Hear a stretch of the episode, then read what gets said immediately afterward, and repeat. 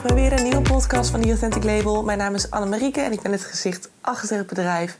Het bedrijf dat zich focust op authentiek ondernemerschap, authentiek onzichtbaar zijn en uiteraard op jou als ZZP'er. Want als we het hebben over authenticiteit, ben jij natuurlijk de ultieme kern. En we gaan richting het einde van het jaar, jongens. Het einde van 2022. Wauw, wat is het ontzettend snel gegaan. Ik zie me hier nog in mijn huisje staan, denkend van... oké, hm, januari nu, what's up next? En nu gaan we alweer richting het einde. Wat is dat toch uh, ontzettend snel voorbij gegaan. En het einde van het jaar vraagt altijd weer om... En vooral als ondernemer, maar misschien ook privé... dan ga je altijd nadenken over waar wil je naartoe? Wat zijn je nieuwe doelen voor het jaar? Daar komt overigens nog een podcast over online volgende week. Volgende week dinsdag hoop ik. Um, over het doelen stellen en over authentieke doelen stellen en hoe je die precies schrijft. Um, maar als ondernemer is er nog een ander onderdeel waar we vaak ook over nadenken richting het nieuwe jaar. En dat is het uurtarief en de prijzen, de pakketprijzen. Uh, het is altijd het ultieme moment om op 1 januari 2023 of überhaupt welk jaar dan ook, um, om je prijzen waar je dat zou willen te verhogen. Nou, we zitten natuurlijk midden in de inflatie. Alles is ineens waanzinnig duur. Um, nog niet gesproken over de elektriciteit en de kosten van uh, nou ja, gas, et cetera. We hebben er allemaal mee te maken, we hebben het allemaal uh, uh, gevoeld en, en gezien. Het is dus ook niet zo gek om ook als ondernemer jouw prijzen per 1 januari 2023 te gaan verhogen. Maar het kan best lastig zijn. En misschien dat je denkt, ja, bij welk bedrag moet ik dan, waar moet ik dan mijn rekening houden? Um, met hoeveel mag ik dan omhoog?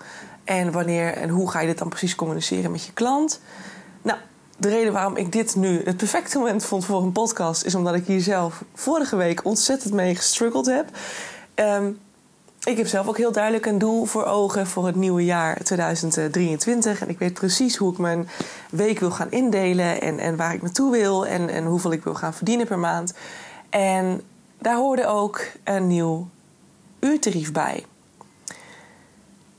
En ik heb heel lang nog getwijfeld of ik hierin ook mijn oude klanten, de klanten die ik al heb, of ik die daarin zou meenemen. Want heel veel klanten zitten namelijk nog op een heel laag uurtarief. En dat heb ik eigenlijk nooit gewijzigd sinds het begin van de samenwerking.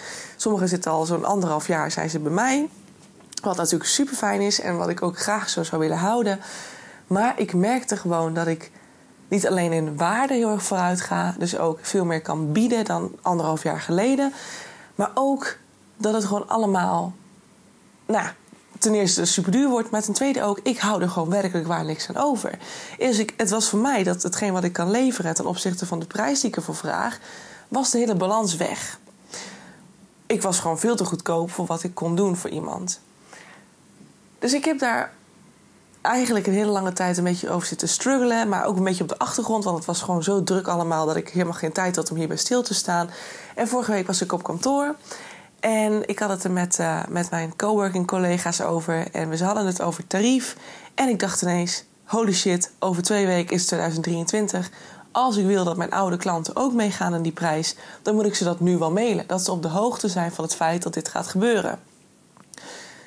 En toen heb ik er heel kort over gesproken met, met mijn eh, coworking collega's. En die zeiden direct: Anne, ik zou het gewoon doen. Ik zou het gewoon iedereen gelijk trekken. En ook mijn gevoel zei dat ik dit gewoon te doen had. Want ik merkte gewoon dat ik heel veel uren aan het werk was. Maar er zelf gewoon bijna niks aan overhield. Dus ik ben, ik, en, ik leverde veel waarde. Maar vervolgens, ik, ik werkte me vervolgens het grompes. En ik verdiende er niks aan. Ik denk dat kan niet. Dit voelt inderdaad helemaal niet oké. En ze zeiden het ook direct tegen mij: Anne, hup, één lijn trekken. Ik zeg ja. Mijn gevoel zegt dat eigenlijk ook wel dat ik dat te doen heb. En ineens, binnen een half uur, was ik de keuze gemaakt: oké, alles gaat nu opzij, al het werk. Ik ga nu mails opstellen en ik ga mijn klanten mailen en vertellen dat iedereen naar 65 euro per uur gaat. Dus ook de klanten die van 38 euro komen, of van 45 euro komen, of van de 50 euro komen. Want heel veel zaten nog, zoals ik zei, op een laag tarief, omdat ik het gewoon nooit verhoogd heb voor ze. En nu dacht ik: ja, shit ik ben gewoon afgestudeerd nu. Ik ben fulltime ondernemer. Ik weet waar ik het over heb. Ik ben ontzettend veel bezig met mijn eigen onderzoeken verder hè, uitbreiden. Ik ben zelfs weer aan het praten met de universiteit of ik daar misschien um, één dag per week een onderzoek mag gaan doen. Uh, voor ze en voor mezelf, vooral voor mijn eigen onderneming ook. Dus er zijn heel veel dingen gaande. Ik denk, nee, dit gaan we gewoon niet doen. Weet je, de uren die ik te besteden heb, die zijn gewoon het waard. En ik mag daar gewoon ook uh, geld voor vragen. Dus 65 euro voelde voor mij al een tijdje als een mooi bedrag om nu mee verder te gaan. En dan kan ik vanaf daar altijd stapsgewijs de 5 euro per keer bij opgooien. Misschien dat we langzaamaan weer gaan groeien. Maar voor nu voelde dit voor mij als een goed tarief. Alleen was het gewoon een enorme stap voor veel klanten om hier naartoe te gaan. Dus ik was tegelijkertijd doodsbang. Ik had mezelf, ik had absoluut het gevoel van dit is juist. En als ik mensen daardoor ga kwijtraken, dan is dat super jammer. Maar ik moet voor mezelf kiezen. Want ik ben niet iemand die gewoon heel leuk mensen pleest. Maar daar zelf dan vervolgens niet, uh, niet uh, hè, dat, dat het balans van geven en nemen er niet is. Ik denk dat moet, gewoon, dat moet gewoon veranderen. Als ik wil groeien als ondernemer, dan moet ik gewoon de keuze maken. Tarief gaat omhoog. En dan moet ik de consequenties aanvaren. En dat vond ik heel lastig. Ik heb vorige week echt ontzettend met mezelf gestruggeld. Ik heb me twee dagen flink ellende gevoeld. Um, toen ik de mails verstuurd had. En als het dood was, dat ik hele boze reacties terug zou krijgen. Um, mede was dit ook omdat ik zelf gewoon best wel een soort negatief idee had over geld. En bij mij um, is het eigenlijk altijd wel een beetje aangeleerd dat je niet praat over geld, dat je niet vraagt naar geld, dat, je, dat geld een bepaald egoïstisch iets is. Dus in mijn ogen, in mijn, wat ik heb aangeleerd, mijn patronen, mijn, mijn overtuigingen, is geld dus echt een dingetje. Daar praat je niet over, daar vraag je niet naar. Je vraagt niet om geld. En je gaat al helemaal niet omhoog in tarief, want dan wordt het een, een, een, een ja, hoe moet je het noemen, een ego-ding of zo. Weet je, dat, dat heb ik mezelf eigenlijk altijd aangeleerd. Dat heb ik al jaren met me meegenomen. Um, doe maar gewoon normaal, dan doe je al gek genoeg. Dat is een beetje wat ik mezelf altijd heb aangeleerd. Maar als ondernemer dient dat je helemaal niet. Want verdorie, jij werkt gewoon snoeihard voor, voor, de, voor dat geld. Jij kan, jij kan heel goed mensen helpen. Jij kan heel veel waarde leveren. En jij krijgt daar gewoon iets voor terug. En je hebt gewoon heel veel af te dragen. Je hebt gewoon BTW te betalen, je hebt belastingen te betalen, je hebt verzekeringen te betalen. Wat een werkgever normaal doet voor jou, dat heb je nu zelf te doen. Dus als je dat uiteindelijk gaat omrekenen, wat een werkgever normaal betaalt voor een echte voor een, voor een werknemer, dan zal dat tarief waarschijnlijk ook nog eens ongeveer op hetzelfde bedrag zitten als wat jij gaat vragen als, uh, als ondernemer. Maar vaak denken wij dat we enorm hoog zitten, dat het echt een dingetje is en dat we denken: oh my god, mensen gaan dit nooit betalen. Maar ze gaan niet voor niks met een ZZP'er in zee. Ze weten wat ze in huis halen op het moment dat ze jou als ZZP'er benaderen en zeggen van... Yo, ik wil graag dat jij voor mij een website gaat bouwen... of ik wil graag dat jij voor mij dit of dat jij voor mij dat... dat je mij daarbij gaat helpen. Dan weten zij ook, als het goed is en zo niet... nou, dan komen ze er snel genoeg achter... dat ze veel meer moeten gaan neerleggen... dan wanneer ze in zee gaan met een andere partij. Ja, dan zullen, die zullen uiteindelijk ook veel geld vragen, denk ik. Want die moeten ook werknemers betalen. Ik heb geen idee hoe dat verder werkt. Maar in ieder geval, dit is als ZZP'er normaal. Dus ik had afgelopen week echt dikke struggles met mezelf. Ik zat ontzettend met mezelf in de knel. Ik heb me de hele avond rotte gevoeld over het feit dat ik, me dus, dat ik mijn klanten gemaild heb. Dus ook vooral die klanten die heel laag zaten in tarief. Dat ik dus ineens bam, vanaf 1 januari omhoog ga naar 65 euro.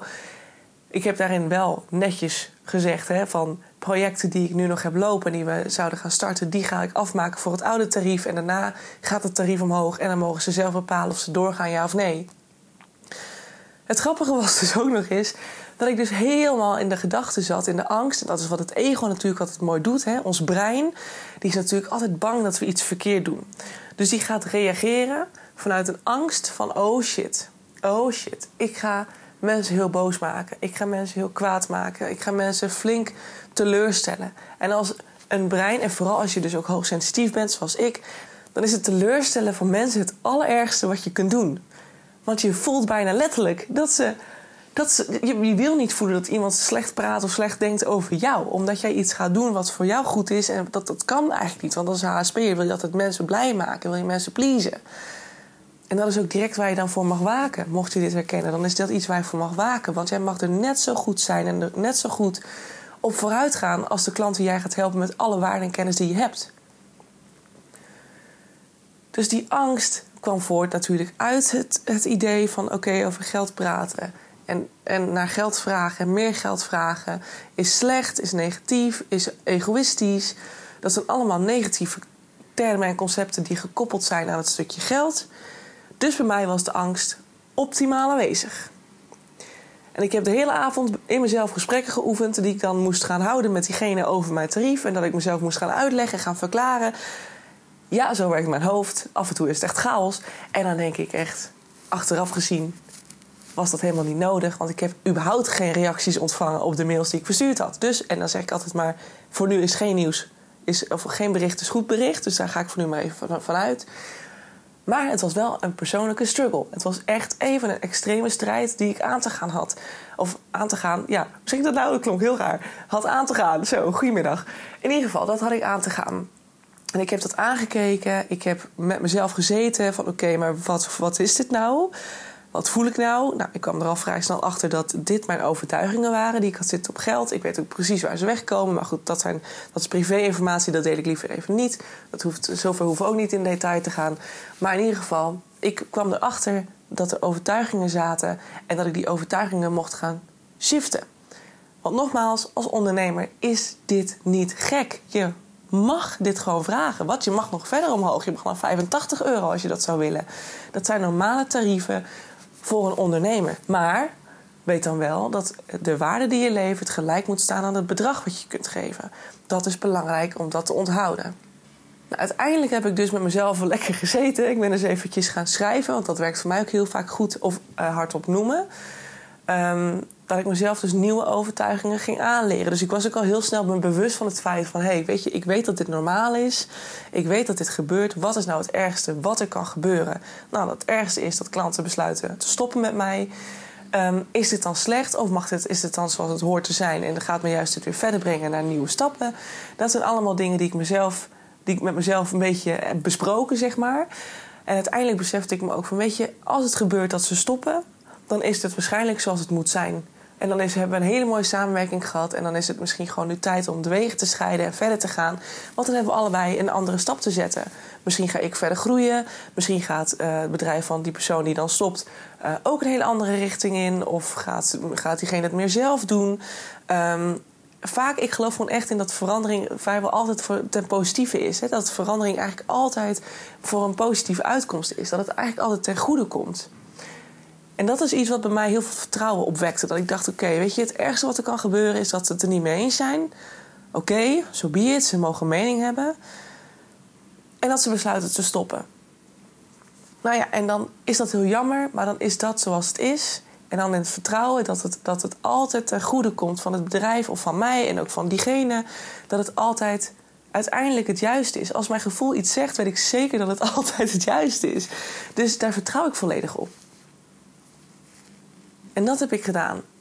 En het was dus een hele strijd. Maar ik ben ontzettend blij dat ik het gedaan heb. En uiteindelijk zie je ook maar weer, en dat is het mooie gezegde van mijn moeder. Mijn moeder zei altijd tegen mij: Een mens lijdt dikwijls het meest om het lijden dat hij vreest, maar nimmer opkomt dagen. En dat is weer zo'n toepasselijk quote hier ook voor dit gebeuren.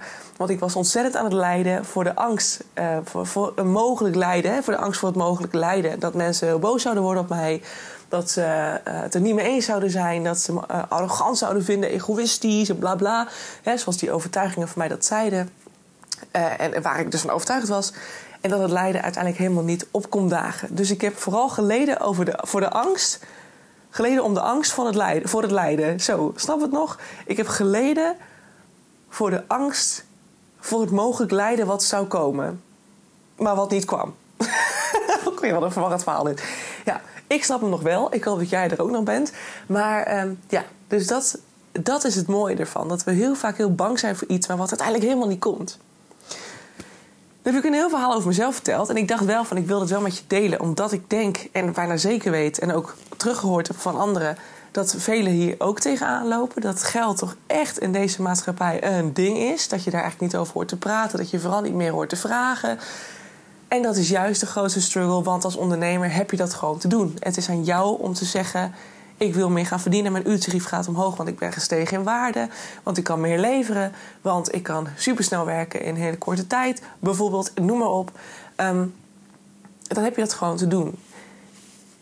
En aangezien 1 januari onderweg is en uh, we langzaamaan echt richting het nieuwe jaar gaan, mag je voor jezelf ook nagaan van hé, hey, in hoeverre mag ik nu vooruit gaan? Wat is nu mijn uurtarief? In hoeverre voelt hij nog goed voor mij? mag ik misschien omhoog gaan? Wat is mijn waarde? Hoeveel heb ik geleerd de afgelopen jaren? Heb ik heel veel cursussen, trainingen gedaan? Heb ik heel veel zelfonderzoek gedaan? Ehm, heb ik uh, coaches bezocht die mij geholpen hebben om te groeien, om weer wijzer te worden, om weer meer waarde te kunnen leveren? Hoe staat het er bij jou nu voor? Is jouw tarief nog oké of mag je gaan stijgen? En ik bedoel, met de inflatie nu is het niet gek dat je gaat besluiten om omhoog te gaan in je uurtarief. En hoeveel je omhoog gaat is aan jou. Want kijk, ik kwam van nou ja, 50 à 55 euro. Ik zat elke keer een beetje tussenin. Vandaar kom ik en ik besluit ineens met 15, 10 à 15 euro hup omhoog te gaan. Voor sommige klanten wel bijna 30 euro. Dat is echt niet normaal veel. Maar soms een keuze die je te maken hebt. Wat voelt voor jou als een goed tarief? Je mag met 5 euro omhoog gaan, je mag met een paar euro omhoog gaan. En ook hierin, misschien is het interessant voor jezelf om na te gaan van hé, hey, wat heb ik precies nodig aan inkomsten ook? Hè, wat ik bedoel, wat kun je leveren? Wat is jouw waarde? Dat is één. Maar ook, wat heb je nodig om alles te kunnen betalen wat jij uh, wenst hè, in, in, jouw, in jouw huidige leven? Wat kost een appartement? Of wat is je uh, hypotheek wat je moet afdragen elke maand? Wat zijn je verzekeringen? Waar, waar moet jij als ondernemer? Um, hoeveel winst wil je, wil je overhouden? Um, wat moet je allemaal afdragen? En alles is op een rijtje zetten en dan eens gaan kijken van... oké, maar hoeveel kost het nu eigenlijk met de inflatie erbij? En wat moet ik dan zelf verdienen om vervolgens alles te kunnen dekken? Er zijn hele mooie formules en trucjes die je online kunt vinden. De KVK heeft het volgens mij ook op de website staan. Die kun je daar gewoon vinden. Ga hem eens door. Um, die, die formule, de, de, de manier waarop je achter je uurtarief kunt komen. En bepaal eens voor jezelf of je nu op het juiste tarief zit. En dan durven verhogen. En net als ik, ik ben ook als de dood. Ik merk echt dat een heleboel op, op losse schroeven staat. Ik ga aankomende week ook weer ergens over mijn uren praten met iemand. Dat ik denk, het wordt allemaal heel spannend ineens. Want financieel was, je, was ik aardig stabiel en lekker gaande. Maar ineens gaat er veel veranderen. En natuurlijk is dat eng. Ik zou liegen als ik zeg dat ik, dat ik niet bang zou zijn. Weet je, ik vind af en toe ook dat ik denk: holy shit, dat ik, dat ik stress heb over mijn huur en over mijn kosten. En ik denk: gaat het allemaal goed komen? Maar angst is iets wat er nog niet is. Hè. We zijn altijd bang voor de toekomst, voor iets wat er mogelijk zou kunnen gaan gebeuren. Maar wat uiteindelijk, zoals het mooie gezegde van mijn moeder ook zegt, het is een lijden voor een angst dat je vreest, maar uiteindelijk helemaal niet gaat komen. Want meestal, 99% van de keren, komt het altijd met beide voetjes weer op de, juiste plek terecht. En daar heb ik ook alle vertrouwen in. Ik heb het vertrouwen dat. Ze zeggen natuurlijk niet voor niks, hè, dat turbulente tijden tijden waarin er chaos is, waarin er onzekerheid is, wanneer er spanning is, wanneer er stress is, wanneer er uitdagingen zijn, dat je dan in de, in, in, uh, in het, hoe zeg je dat, in de voor, um, voorfase staat van een hele mooie doorbraak, van een positieve ontwikkeling. Want uiteindelijk is alles overal, alles is ergens goed voor. Uiteindelijk gaat het je verder brengen. Ik zei toch tegen een vriendinnetje van mij afgelopen weekend. Um, we hadden het over, uh, over exen en dat soort dingen. Over ervaring uit het leven. En dat, dat, ik zei ook tegen haar van ja, maar ik geloof er echt in dat alles ergens goed voor is. Mocht je nog niet een van mijn eerste podcasts geluisterd hebben en niet weten waarom ik zo in authenticiteit ben beland, dan even een hele korte samenvatting. Ik had een hele fijne ex. Deze ex heeft mij seksueel misbruikt en is een trauma geworden waarin ik uiteindelijk helemaal uh, alle coaches, therapieën, psychologen gezien en gedaan heb. En nu uiteindelijk zo verslaafd ben geraakt aan het hele stukje brein, psychologie, spiritualiteit, dat soort dingen, dat ik daar veel meer in ben gaan uh, verdiepen. Maar goed, even teruggaan naar dat stukje seksueel misbruik. Ik zei tegen haar: Weet je dat ik zelfs mijn ex. Dat klinkt heel gek wat ik nu ga zeggen, maar dat ik hem zelfs een klein beetje dankbaar ben voor de ervaring. Want als hij dat niet had gedaan, had ik hier nooit gestaan. En was ik nog een hele andere Anne geweest dan die ik nu ben. Dan wie ik nu ben, ja. Klinkt echt bizar dat zelfs zo'n hele negatieve ervaring, waarvoor ik twee jaar lang in therapie ben geweest en vervolgens nog een keer kon, uiteindelijk heeft mij dat zoveel gebracht dat ik denk, ja, tuurlijk is het niet leuk hè, op het moment dat het gebeurt. Ik bedoel, als het, als het nou, ik wil een heel verhaal houden. Niet belangrijk, maar natuurlijk is het niet leuk. En uiteindelijk zal het ook nog wel even moeilijk worden, misschien in de toekomst. Maar hetgeen wat me dat opgeleverd heeft, uiteindelijk aan wijsheid, aan kennis, aan, aan, aan wat ik nu allemaal mag doen als ondernemer. Ik ben, mijn onderneming is nu zo door die ervaring. Omdat ik toen heb gezegd: ik moet in therapie, het trauma is te heftig, ik kom er zelf niet doorheen, ik moet hulp hebben. En vervolgens heb ik dat gedaan, ben ik dat aangegaan en zijn we nu hier. Elke ervaring, hoe negatief soms ook, is ergens goed voor. En daarom zeg ik ook van, weet je, als dit, als er gebeurt, als dit gebeurt, als jij mensen kwijt gaat raken doordat jij je uurtarief verhoogt, dan zal dat uiteindelijk ergens goed voor zijn. Het zal je weer ergens brengen. Het zal je misschien even op losse schroeven zetten, maar vervolgens gaat het je weer hele mooie kansen bieden. Zolang je maar vertrouwen houdt in het feit dat het goed komt. Dat is de ultieme basis van het hele leven, geloof ik, geloof ik heilig in als je altijd maar sceptisch bent, dan, dan wordt het leven heel anders. Hè? Ook met de wet van aantrekking gezien, vertrouwen is altijd een ultieme basis. En dan zul je ook zien als jij vertrouwen durft te houden op het feit dat misschien is het nu even pittig, maar uiteindelijk komt het weer goed. Daar heb ik alle vertrouwen in. Dan zul je zien dat het ook gaat gebeuren. Want waar je vertrouwen in hebt, zal naar je toe komen. Daar geloof, daar geloof ik dus veilig in. Dus dat, dat, ja, dat is heel mooi. En het zijn hele mooie ontwikkelingen altijd. Dus voel voor jezelf wat mogelijk is, wat je kunt doen, wat je mag vragen, durf te vragen. Maar ga vooral bij jezelf na van wat voelt nu oké voor mij. Want je moet het natuurlijk ook kunnen verkopen. Als jij ineens op 120 euro gaat zitten, maar je hebt het gevoel dat je maar 70 waard bent. Ja, dan wordt het natuurlijk lastig verkopen. Want eh, iedereen prikt gewoon uiteindelijk door jouw onzekerheid heen. Als je dan tegenover iemand zit en die zegt: Wat vraag je? Ja, 120 euro. En dat je dat zo onzeker overbrengt dat iemand dan denkt: nou, laat maar, want uh, dit wordt ook niks. We gaan wel even met iemand anders praten, bijvoorbeeld. Dus blijf bij een prijs die goed voor je voelt. Waar je je goed bij uh, voelt. En je kunt altijd weer omhoog. Je kunt elk kwartaal 5 euro omhoog. Je kunt elk half jaar 5 euro omhoog. Je kunt elk jaar 5 euro omhoog. Net wat goed voelt voor jou.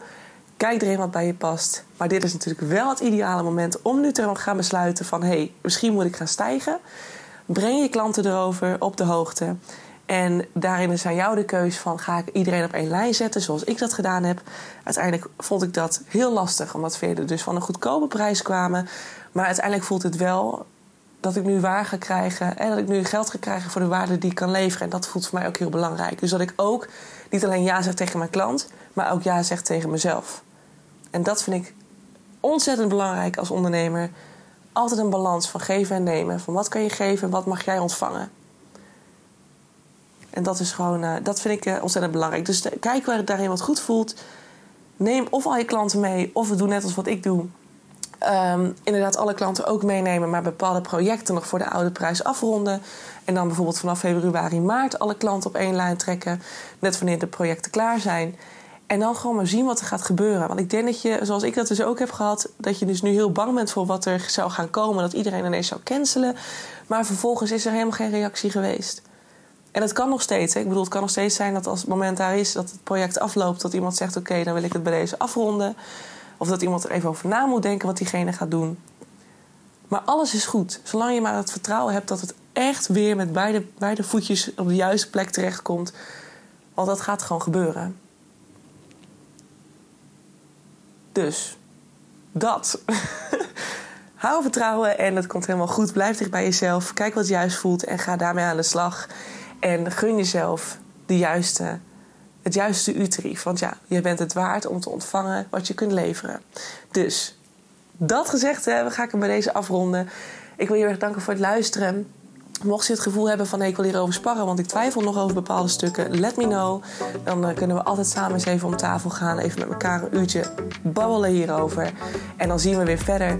Maar het komt helemaal goed. En ik wens jou uiteraard een super fijne laatste twee weken van 2022. Op naar het nieuwe jaar. Een nieuw jaar vol nieuwe kansen en mooie doelen en, en mooie plannen. En dan uh, gaan we weer rocken. Ik heb er echt vet veel zin in. Alright, jongens, dankjewel en tot later. Doei doei! All I